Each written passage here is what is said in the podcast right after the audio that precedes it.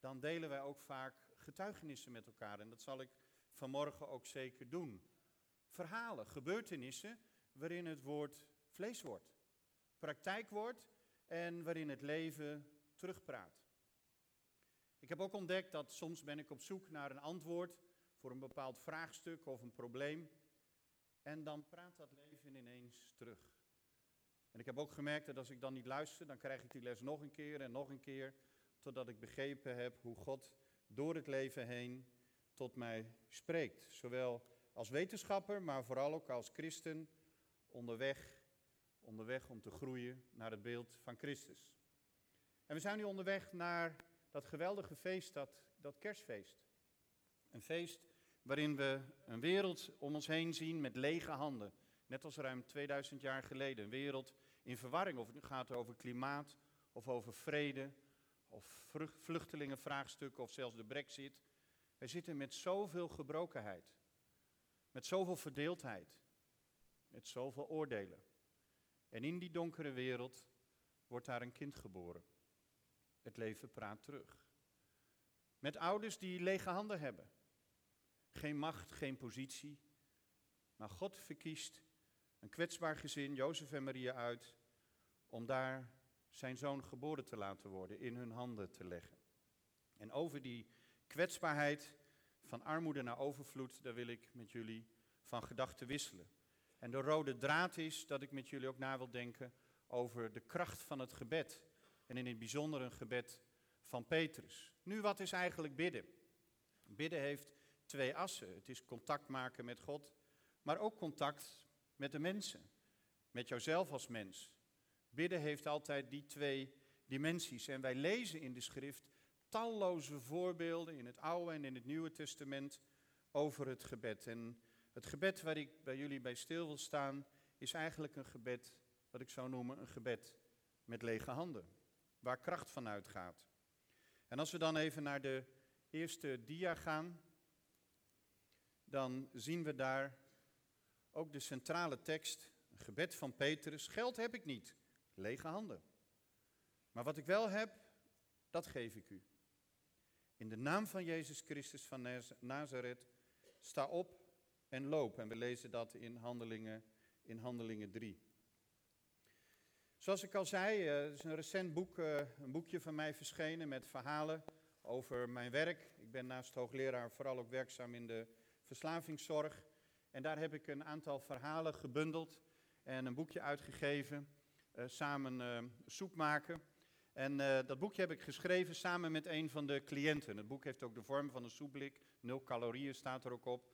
En voor liefhebbers, in de zaterdageditie van vorige week van het Fries Dagblad staat het ook aangekondigd. Is dat boek ook te koop. En de opbrengst gaat naar een, naar een noodhulpfonds. Maar wat is het nou, die, die, die titel van dat, van dat boek, Samen Soep maken? Nu, ik weet niet hoe het u vergaat, maar ik heb vaak allerlei tekorten in mijn leven. Uh, tijdtekort. Kent u dat? Tijdtekort. Uh, geldtekort. Dan willen we iets. geldtekort. En soms wil je iets op het werk, dan heb je mensentekort. Uh, soms heb je ook ruimtetekort.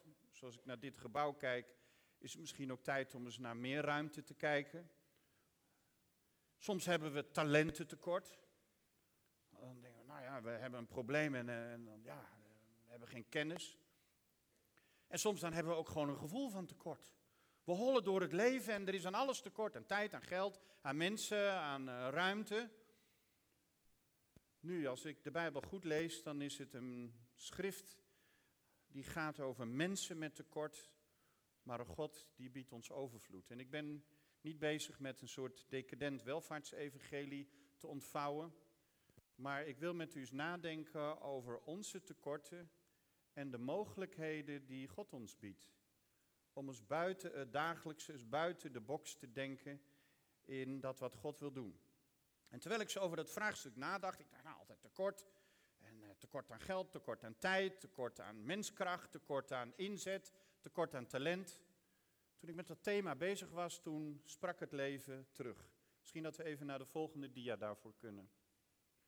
Het thema is samen soep maken en meer. Het verhaal. De school van mijn zoon die ging verplaatsen naar een ander gebouw. En de directie had bedacht niet alleen te verplaatsen, maar ook te bezuinigen. De groepen moesten groter worden, er was minder geld. En een van de dingen die werd afgeschaft was de centrale keuken. Nu voor de groep van mijn zoon was de centrale keuken, daar waar soep gemaakt werd en hapjes en broodjes, een van de belangrijkste plekken. Mijn zoon heeft een verstandelijke beperking, autisme, uh, nog een aantal andere dingen. Hij zit in wat ze noemen de structuurgroep, het laagste niveau van het VSO, talrijk onderwijs in Drachten. En het is eigenlijk een groepje waarvan je kan afvragen, kun je die nog wel iets leren? Kunnen die nog ontwikkelen? Het zijn kinderen die zijn blind, het zijn kinderen die zijn blind en doof, het zijn kinderen die zijn volledig spastisch. Sommigen liggen zelfs uh, op een matras. Dat je denkt, ja, onderwijs, onderwijs is verplicht, maar nou, als je zo eens naar die kinderen kijkt en dan een groepje van zo'n tien, dat is met alle respect heel veel armoede. Weinig vaardigheden, talenten om iets te doen. Maar wat hadden de begeleidsters nu bedacht? Die dachten, nou, dat is zo belangrijk, die keuken. Nou heeft die directie bedacht om dat te bezuinigen. Wij gaan zelf soep maken. Dus gingen naar de directie en zeiden, we hebben straks een nieuw gebouw, we moeten naar een grotere groep. Een heel klein lokaaltje hadden ze toebedeeld gekregen en we willen zelf soep maken. Nou, zei de directie, dat is heel ingewikkeld, want er is geen afzuigkap en uh, er is geen kookplaatje. En uh, jullie hebben de HCCP-code, dat is de hygiënecode, hebben jullie geen cursus in gehad. Dus er moest een soepcommissie komen, dan moet er vergaderd worden. En ze zagen allemaal verbrande handjes in, uh, in hun gedachten. Dus dan moet er een risicoanalyse komen, dat doen bedrijven. Maar ondertussen waren deze begeleidsters, waarvan twee christenen, met een groot geloof in het talent van deze kinderen, waren die al bezig geweest, die hadden het toch voor elkaar gebokst om een beetje geld bij elkaar te harken. En hoeveel geld hadden ze nou nodig? Ze hadden om precies te zijn 5 euro nodig. En toen hebben ze kort het verhaal verteld over het soepmaken. Toen heb ik gevraagd of ik daarbij mocht zijn. Het leven praat terug. En ik was erbij die woensdagmorgen. Zoals elke woensdagmorgen gingen ze soep maken. En het eerste wat er gebeurde was een kistje kwam op tafel. En, en een van de kinderen deed het kistje open en het kind kan nauwelijks kijken, kan, kan heel grofweg contouren zien en haalde daar muntjes uit het kistje totdat het 5 euro was. Een jongetje daarnaast kon goed lezen, kon ook een beetje rekenen, die maakte een soort optelsommetje. Ja, 5 euro. De andere kinderen telden hardop mee. Het eerste half uur was een half uur van rekenles. Om 5 euro uit het kistje te tellen om te komen tot een bedrag om soep te maken. Toen kwam de folder van de lokale supermarkt op tafel en uh, toen werden er allerlei uh, groentes aangewezen. En een van de kinderen die wezen op iets paars. Beetje een rare vorm, paars. Paars, ja dat is een aubergine. Oh, raar woord, aubergine. Moeilijk uit te spreken. Aubergine, paars. Ja juf, ik heb ook wel eens paars op mijn knie als ik me heb gestoten. En uh, toen kwam er oranje. Ja, papa heeft een vlag in de tuin en daar hangt ook wel eens oranje aan volgende half uur was kleurenleer. Eerste half uur rekenen, tweede half uur kleurenleer. Toen moest er weer gerekend worden en toen hebben ze grofweg een business case gemaakt om uh, die 5 euro weg te zetten in een pannetje soep. En uh, twee kinderen in een rolstoel en mijn zoon, uh, goed van lijf en leden, erachteraan. En ik scharrelde ook mee naar de lokale supermarkt, dat zit ietsje verderop. En de kinderen naar de supermarkt en een van de kinderen in de rolstoel begon spersiebonen te tellen. Eén, twee, drie, vijftien spersiebonen. Er werd zo'n raar paars ding werd ergens vandaan gescharreld. En uh, er kwam nog een wortel bij en uh, nog een prei en nog wat andere dingen. En met een grote glimlach stond er een groenteboer klaar. En die gaf deze kinderen nog wat kromme en bevlekte groenten mee. Uh, en zo hadden ze een mooi tasje met groenten. En toen kwamen we terug in het schoollokaal. En toen was daar echt een professioneel soepstraatje ingericht. De kinderen zaten in een rolstoel en één schuin op een matras achter de tafeltjes. En er waren plankjes neergezet en plastic mesjes. En, uh, en het eerste meisje, ik zie het nog voor me, die, die kreeg die spersiebonen. En die trok die puntjes eraf. En die puntjes die gooiden ze naar achteren op de grond. En er stond een, een jongen achter met zo'n haakse uh, veger en blik. En die veegde die twee puntjes bij elkaar. En die deed dat in de brullenbak. Het trainen van fijne motoriek. Kinderen met spastische handen en benen en problemen in het bewegen trainde hier fijne motoriek. Dus we hadden al rekenen, we hadden al kleurenleer, we hadden al boodschappen doen en we hadden al tellen en we hadden al afwegen. En het was nu een training in fijne motoriek. En die sperzieboon die ging door naar de volgende tafel en met een plastic mesje met enige moeite ging die in tweeën. Toen ging die wat verder, toen ging die in vieren, toen ging die boon in acht. En mijn zoon, die moet je niet aan een mes zetten of aan een tafel, die stond er als mentale coach achter. Mm, die gaf het perspectief, er komt soep aan. Mm. Mijn zoon heeft geen taalontwikkeling, kan niet praten, maar hij kan goed laten merken mm, als hij ergens zin in heeft. Tegenover mijn zoon zat een jongen, Jeffrey, eh, die kon hem, helemaal niks met zijn handen. Uh, en, uh, maar die, die kan heel goed babbelen, bijna tot vervelens toe. En die riep de hele tijd: Wij zijn de beste soepmakers van de hele school. Wij zijn de beste soepmakers van de hele school. Dus daar zit Jeffrey, hier mijn zoon. Mm, en dat gaf toch een spirit en een energie. Dus daar werd groente gesneden en groente gehakt. En als er dan een bultje was, gooide mijn zoon het met veel plezier met een grote boog in de, in de pan, want het moest ook spetteren. Dat was een soort ple extra plezier. Uiteindelijk zat de pan vol met gesneden groenten, ging een bouillonblokje bij en het pannetje ging op zo'n zo zo kookplaatje uh, zonder vuur. Uh, en, uh, en er werd soep gekookt. De tafels werden anders geschikt en er werd geoefend met links en rechts. Waar leggen we nou de lepel? Er werd nog een stokbroodje gesneden. Mm, daar kwam de soep. We hebben lekker soep gekookt. Nou, de gebaren die werden de hele tijd bevestigend over en weer naar elkaar gemaakt. En ja hoor, er kwam een heerlijke pan soep. Kinderen werden even stil, even handjes vouwen. En er werd in gebarentaal werd er een gebed gedaan. En vervolgens werd er heerlijk soep uitgeschonken. Mm, lekker soep. Mm, lekkere soep. En ik zag al een van de kinderen en mijn zoon ook even in de pan kijken. Er was genoeg voor twee. Daar ging nog een tweede kommetje soep uh, uh, ging er rond. En toen gebeurde er iets heel bijzonders. Toen gebeurde iets heel bijzonders. Jeffrey die reed met zijn rolstoel naar de pan soep. Keek daarnaar. Ik keek er ook even in. En wat zag ik? Er was nog zo'n laag over. En de pan soep werd op het uh, blad van de rolstoel van Jeffrey gezet met een grote doek eromheen. En hij kan net met zijn pink kan hij de rolstoel bewegen. Hij reed de schoolklas uit. Ik achter hem aan en een begeleidster achter hem aan. Jeffrey keek even rond. Hij koos een lokaal uit. Reed met de rolstoel er naartoe. Boem, boem. Twee keer tegen de deur aan. De deur ging langzaam open. En Jeffrey, zoals hij dat al vaker had gedaan, brulde in die klas: Wij zijn de beste soepmakers van de hele school. Waarop die klas riep: Jee, wij krijgen vandaag soep van de structuurgroep. Er was overvloed.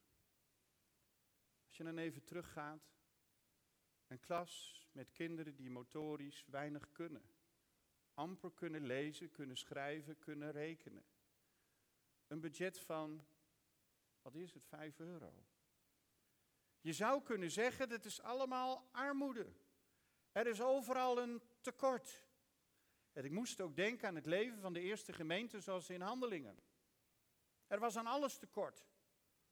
Maar de grote les, en het leven praat terug, wat ik hier leerde was, lieve mensen, als je de armoede in geloof bij elkaar veegt, dan is er ineens overvloed. Dan is er overvloed in deze klas, dan is er overvloed in onze gezinnen, dan is er overvloed in onze gemeente. En niet alleen genoeg om één, zelfs twee kopjes soep te eten, maar dan is er zoveel soep dat de wereld buiten dit gebouw, buiten de gemeente, ook daarvan kan proeven. En het zal hun goed smaken. Want het is soep gemaakt van een optelsom van de beperking die we allemaal hebben. De ene is een aubergine, de andere is een wortel. De andere die is een paar sperziebonen. En weer een ander misschien een stukje prei. Maar wat een armoede als je dat allemaal voor jezelf houdt. Ik kan van een paar sperziebonen geen soep maken. Ik kan van een wortel op zich geen soep maken. Maar als wij al onze talenten, dat waar we misschien als een tekort duiden. Ja, wat kan ik nou? Ik ben maar een wortel. Ja, wat kan ik nou? Ik ben een aubergine. Wat kan ik nou? Maar als we het bij elkaar brengen en compleet maken, dan is er ineens overvloed.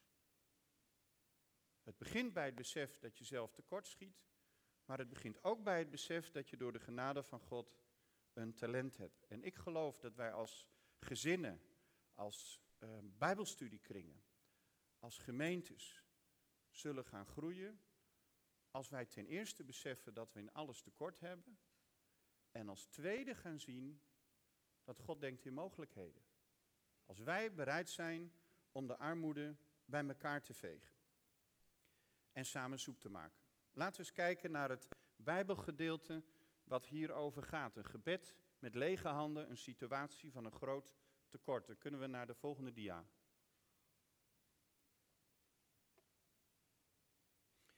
Ik lees het even voor. Uit Handelingen 3, vers 1 tot 10. Op een dag gingen Petrus en Johannes, zoals heel gewoonlijk, omstreeks het negende uur naar de tempel voor het namiddaggebed.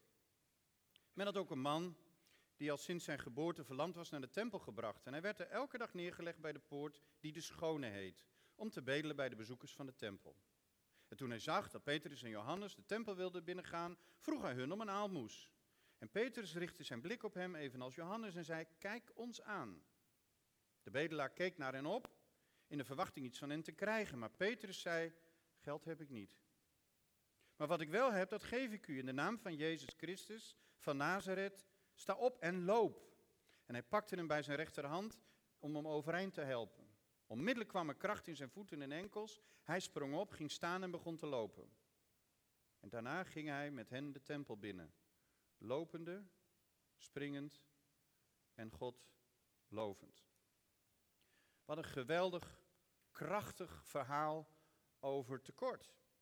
En over dat er een bepaalde verwachting is dat iemand daar zit en denkt, nou ja, ik heb wat geld nodig.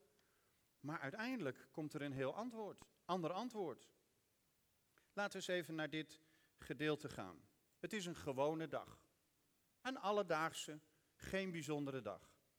Het is warm, het is zo in de, in de middag, zo ongeveer drie uur.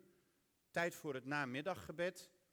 En uh, het is druk, lopen allerlei mensen de trappen op richting uh, de tempel. Uh, een van de ingangen wordt de Schone Poort genoemd, waarschijnlijk vanwege het mooie koperbeslag. En dan ligt er een man, en we weten dat hij uit het hoofdstuk 4, dat hij al 40 jaar kreupel is. Er liggen mogelijk, of staan mogelijk meer mensen te bedelen. En zoals wij weten uit de richtlijnen en spelregels uit het Oude Testament, mogen mensen met een handicap of een beperking de tempel niet in. Maar het is wel de plek waarin je een appel kan doen op barmhartigheid. Dus die man die staat daar, en de anderen liggen daar. Uh, deze man ligt daar. En, en, en, dan, en dan, ja, zo wat hij altijd doet, dan vraagt hij om een aalmoes. Dan vraagt hij om geld. Mensen hebben hem daar gebracht. Het is ook interessant als je erover nadenkt. Die man wordt dus elke dag door vrienden daar gebracht. Dan zou je kunnen zeggen dat is heel nobel, dat is heel barmhartig. Maar er is nog iets anders. Als je iemand altijd naar diezelfde plek brengt, bevestig je hem of haar ook in hetzelfde patroon. Er zijn mensen die zitten al 40 jaar vast in hetzelfde patroon. Of 10 jaar, of 5 jaar. En doen al jaren hetzelfde. Gaan misschien naar de gemeente of zitten aan de rand van de gemeente. Maar vragen zich af waarom ze niet verder komen. En misschien zitten ze wel in een omgeving die alleen maar bevestigt van, nou ja, je bent nu eenmaal zo en het zal ook wel zo blijven. Dat, daar moet je het maar mee doen. Dat zal hier mogelijk ook aan de orde zijn. Hij zit vast in dit patroon, net als zijn omgeving. Hij gaat de tempel niet in, maar hij zit daar te bedelen. Tussen een aantal andere mensen die daar mogelijk ook staan of zitten. En dan komen Petrus en Johannes. Heb je, heb je wat geld voor mij? Een, een, een aalmoes? En dat vind ik zo mooi wat Petrus dan doet. Dan maakt hij oogcontact. Kijk ons aan. En ze zien hem scherp aan. Ze observeren hem goed. Het leven praat terug. De bedelaar richt zijn hoofd langzaam op en misschien uh, moet hij een beetje tegen de zon in kijken. De zon staat hoog. Hij verwacht dat hij iets krijgt en dan een teleurstellend bericht. Armoede. Ik heb geen geld. Ik heb geen aalmoezen. We hebben niks. We staan hier met, met lege, lege handen. Maar wat dan wel? En ineens is daar dat krachtige gebed. Ik heb lege handen, maar wat ik heb, wat ik heb, dat geef ik je in de naam van Jezus Christus. Loop, wandel. Hij kan het eerst nog niet geloven. Hij krijgt een hand, wordt overeind geholpen en op dat ogenblik worden zijn benen worden sterk. Hij stapt meteen uit het patroon. Mentaal geneest hij ook. En hij loopt de tempel in. Een dubbele genezing. Fysiek en mentaal. Wat is dit voor gebed? Een gebed met lege handen en open ogen. Lege handen met ik heb niks. Ik heb het niet. Ik heb geen geld. Ik heb op dit moment als antwoord op jouw vraag niets te bieden.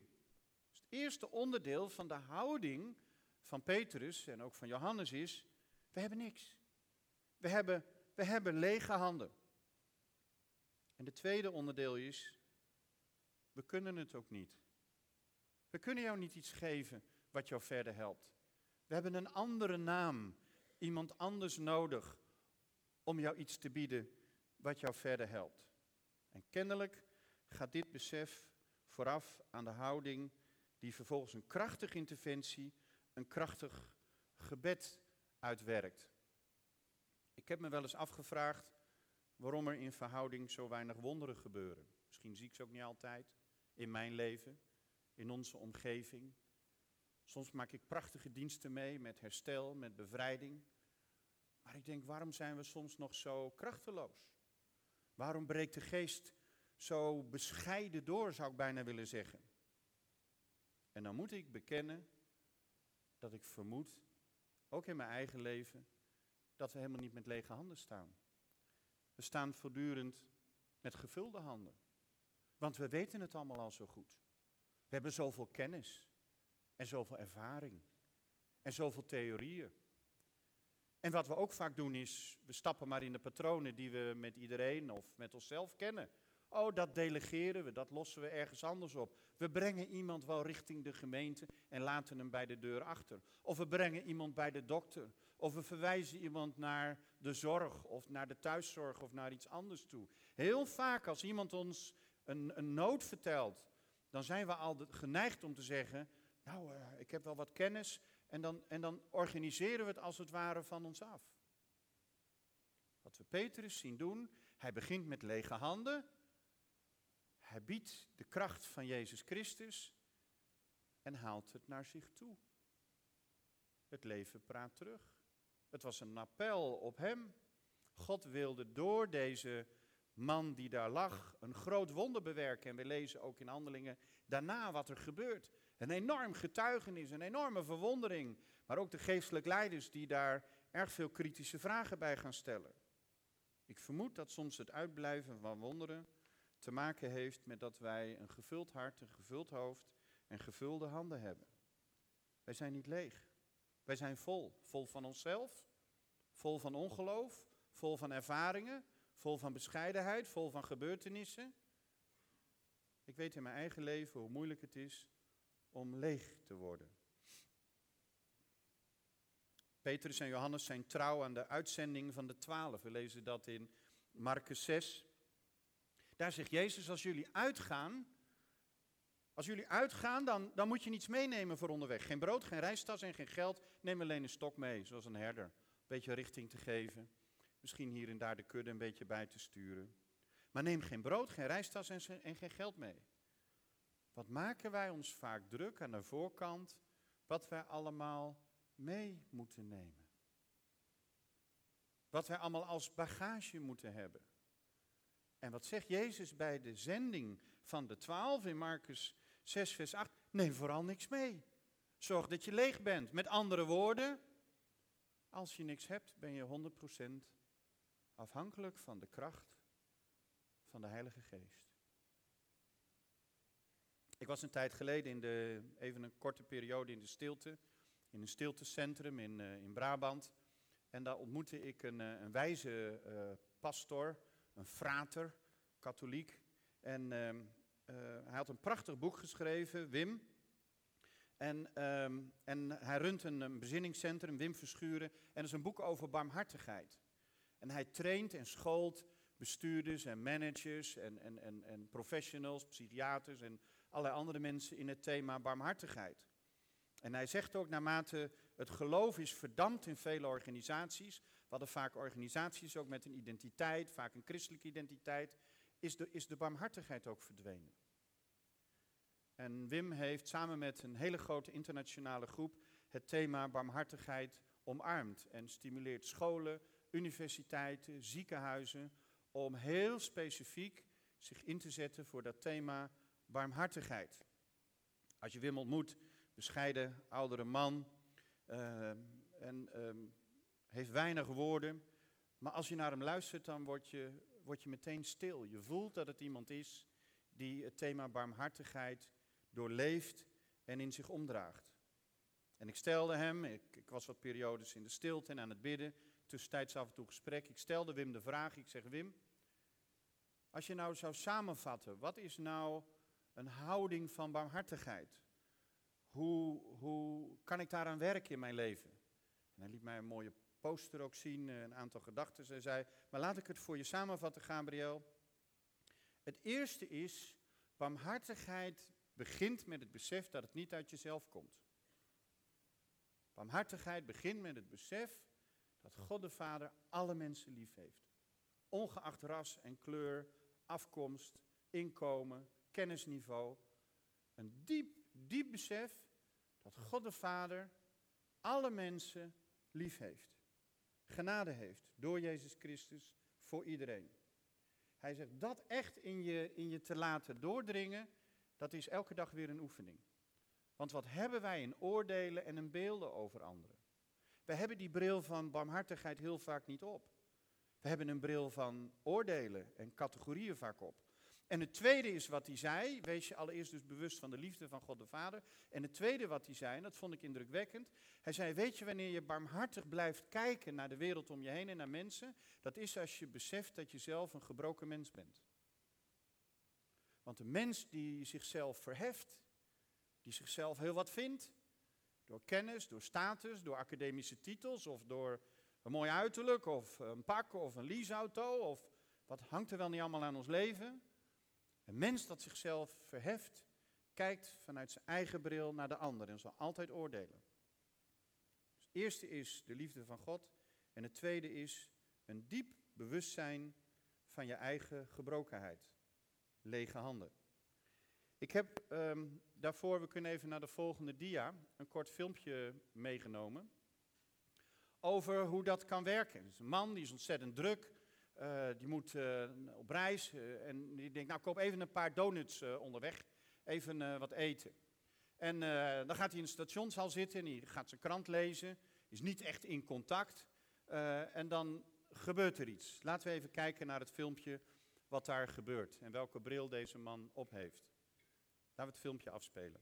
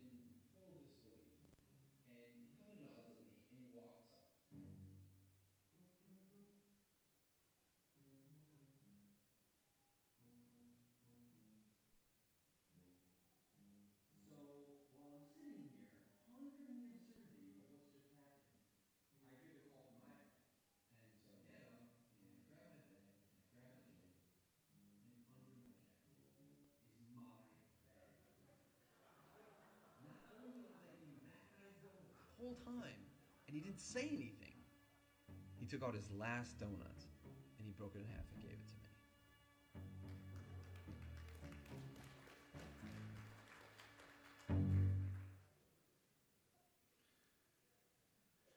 En zo gaat dat heel vaak, lieve mensen. Dan zien we iemand die eruit ziet als iemand die geen dak boven zijn hoofd heeft. En dan hebben wij zelf net donuts gekocht, niet wetende dat we het op die stoel hadden gelegd. En toevallig had die man ook donuts gekocht. En dan zie je daar een beeld ontstaan, een oordeel ontstaan, wat niet terecht is.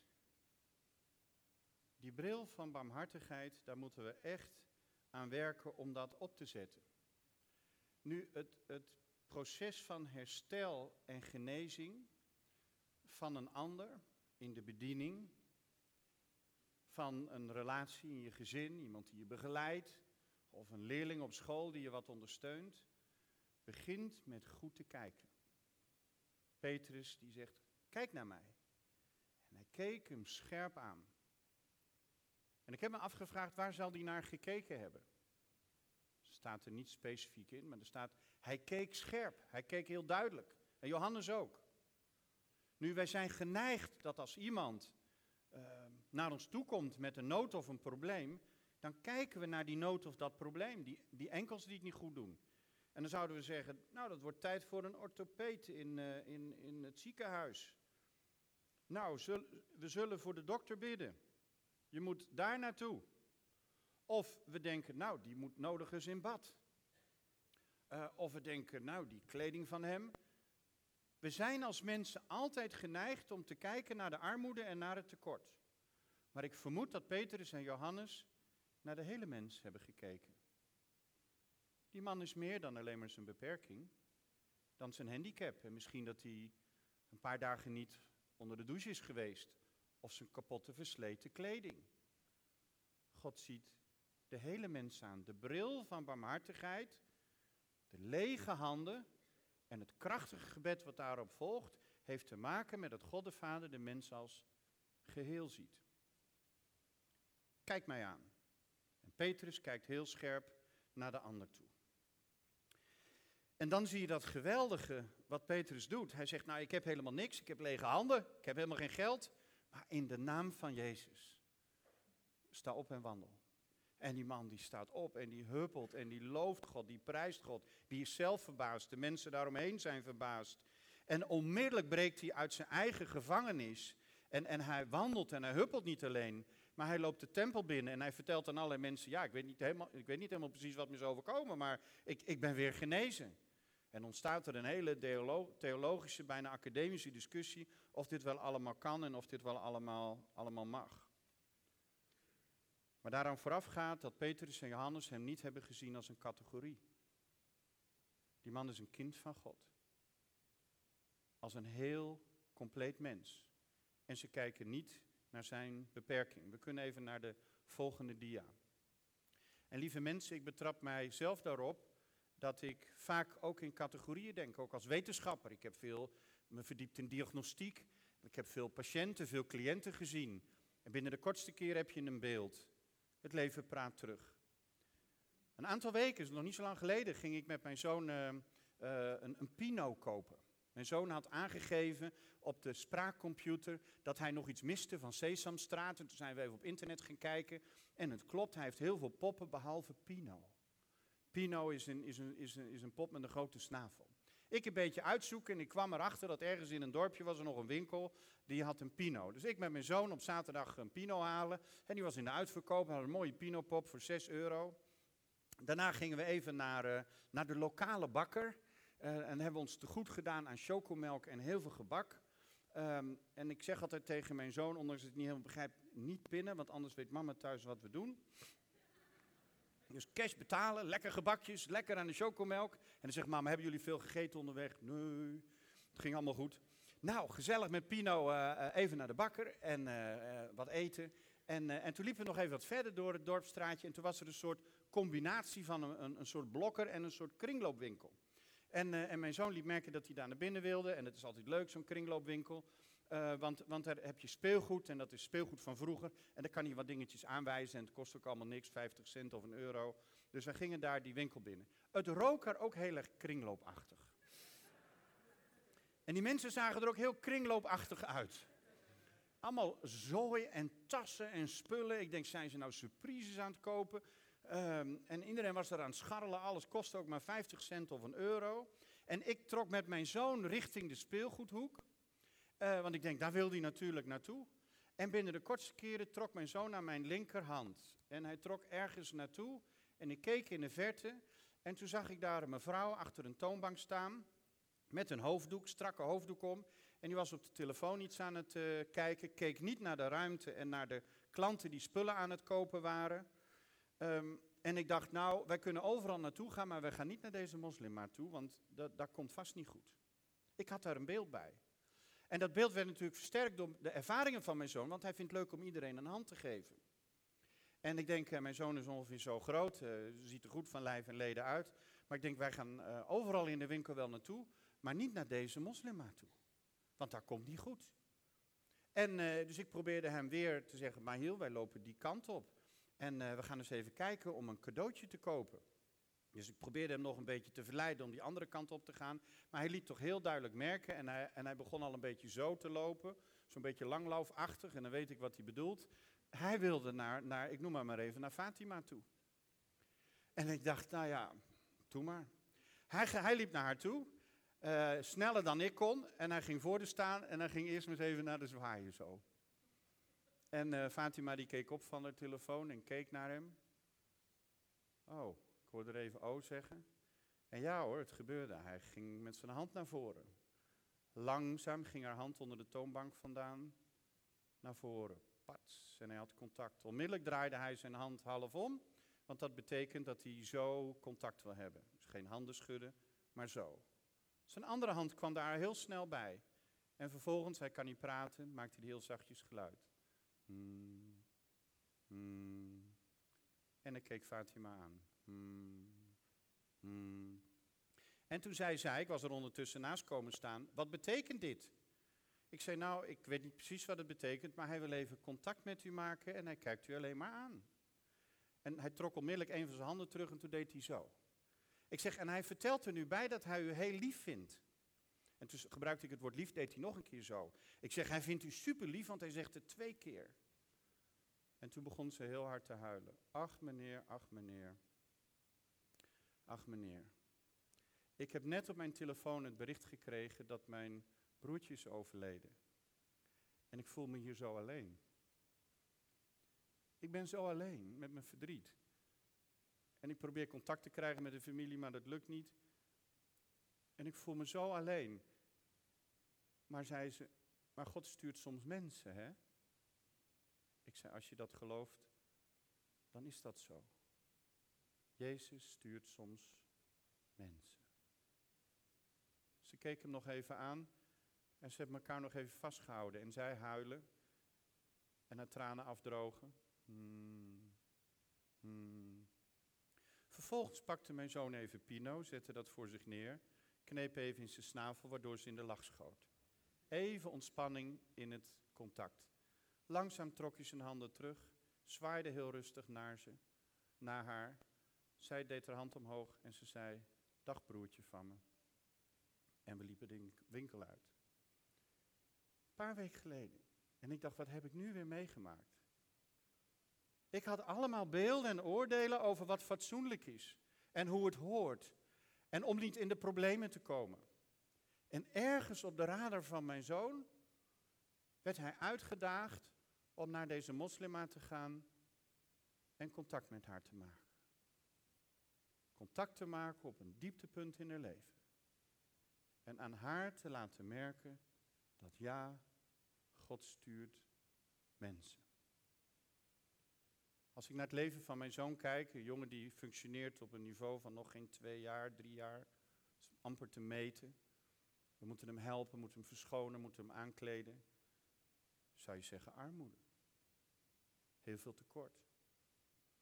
Maar zijn leven is een leven van lege handen. En hij staat altijd aan. Altijd open om in misschien wat we naïviteit zouden noemen, de werken van de Allerhoogste te. En wat hebben wij, lieve mensen, als volwassenen, als hoogopgeleide, als ervaringsdeskundigen, allemaal wel niet verleerd?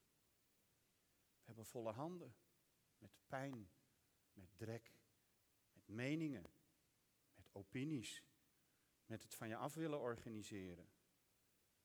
En misschien moeten wij, willen wij weer krachtige wonderen meemaken. Meemaken dat God denkt in mogelijkheden in plaats van onmogelijkheden. Weer zorgen dat onze, onze handen leeg worden. Leeg worden zoals Petrus ook kan bidden. Ik heb het niet en ik kan het niet, maar in de naam van Jezus Christus sta op en wandel. Ik wil met u richting een afronding. De muziek kan ondertussen naar voren komen. De ander ontmoeten begint met de ander als een geheel te zien. En ik zou u willen vragen om de komende tijd en misschien ook straks uw hart te onderzoeken. Wat hebben wij veel meningen over de mensen in ons eigen huis, de mensen in de gemeente, de mensen op ons werk? En wil je daadwerkelijk ruimte geven aan de kracht van de Heilige Geest, dan begint het dat we ons hart in onze handen weer leeg moeten maken. En als we al leeg zijn en het besef hebben van onze armoede, dan zou je kunnen afvragen waar kan ik waarde toevoegen? In de gemeente, op de Bijbelkring of in mijn huis. En niet meer je verschuilen met je eigen groente, met je eigen product, met je eigen talent. Maar je weer kwetsbaar op te stellen. Dat wat ik heb, dat geef ik je. In Jezus' naam. En ik geloof dat God vanmorgen wonderen wil gaan doen. God de Vader denkt in mogelijkheden en niet in onmogelijkheden. En misschien zit je al een jaar, al twee jaar, al vijf jaar, al veertig jaar vast in een patroon. Heb je altijd het gevoel dat je aan de buitenkant staat, buiten de gemeente misschien, buiten mensen, buiten succes, wat dan ook succes mag zijn, dat je niet aansluit vanwege psychische nood, fysieke nood, materiële nood. Maar Jezus is hier om jou uit dat patroon te halen. Al is het 40 jaar en al word je voortdurend door je omgeving in dat patroon bevestigd. God denkt in mogelijkheden en niet in onmogelijkheden. En als jou dat betreft, dat je vastzit in patronen en ook in een zelf aangenomen oordeel van ik ben nu eenmaal zo, dan is het misschien deze ochtend, deze dag, het moment om daaruit te stappen. Want God wil jouw enkels, jouw benen versterken, zodat je ook richting kerst in het hart van de tempel, bij het hart van Vader, uit mag komen, bij zijn Zoon Jezus. Een andere vraag die ik wil stellen is voor mensen in het pastoraat en in de bediening. In het pastoraat en in de bediening maken we veel mee. Soms gaat het goed, soms gaat het niet goed, soms stellen mensen ons teleur. Soms zien we een doorbraak, soms blijft een doorbraak uit. Maar misschien moeten we ook wel weer opnieuw beginnen. Voor mensen die zich gezonden weten, maar die gestopt zijn, die teleurgesteld zijn, die een ideaal om in evangelisatie of in kinderwerk, of misschien zelfs de zending in te gaan, in de kast hebben gezet omdat hun handen en hun hart gevuld zijn met teleurstellingen, met angst, met moeite. En je hebt je vreselijk druk gemaakt over allerlei voorwaarden, wat er in je reistas moet zitten. Over geld en over andere dingen. En het kaarsje, de roeping om uit te gaan, om in de bediening te treden, om een taak of een rol op je te nemen, is gedoofd. Maar ergens is dat verlangen gebleven. En misschien, en dat is de tweede vraag, is het voor jou tijd om opnieuw te beginnen met lege handen. En er zullen ook mensen voor je gaan bidden. We hebben vier prachtige plekken hier in de gemeente, etagères, om naartoe te gaan. En daar zullen mensen met jou gaan bidden. Voor de eerste groep om uit een patroon te komen, een doorbraak te ervaren in je leven, bevrijding, herstel, genezing.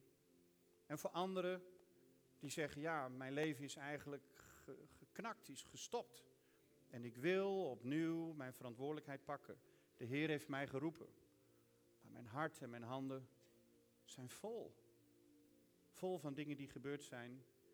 En ik wil opnieuw leeg beginnen. Ik heb het niet en ik kan het niet. En je zult dat ontvangen in Jezus' naam wat je nodig hebt. Laten we met elkaar gaan zingen. Laten de bidders hun plek innemen. En ik geef het graag zo terug aan Nicolas. Laten we bidden. Vader, ik wil u danken voor uw woorden. Ik wil u danken voor uw aanwezigheid. En ik wil u danken dat u ons oproept om met lege handen te beginnen. Wat bevrijdend is dat lege handen.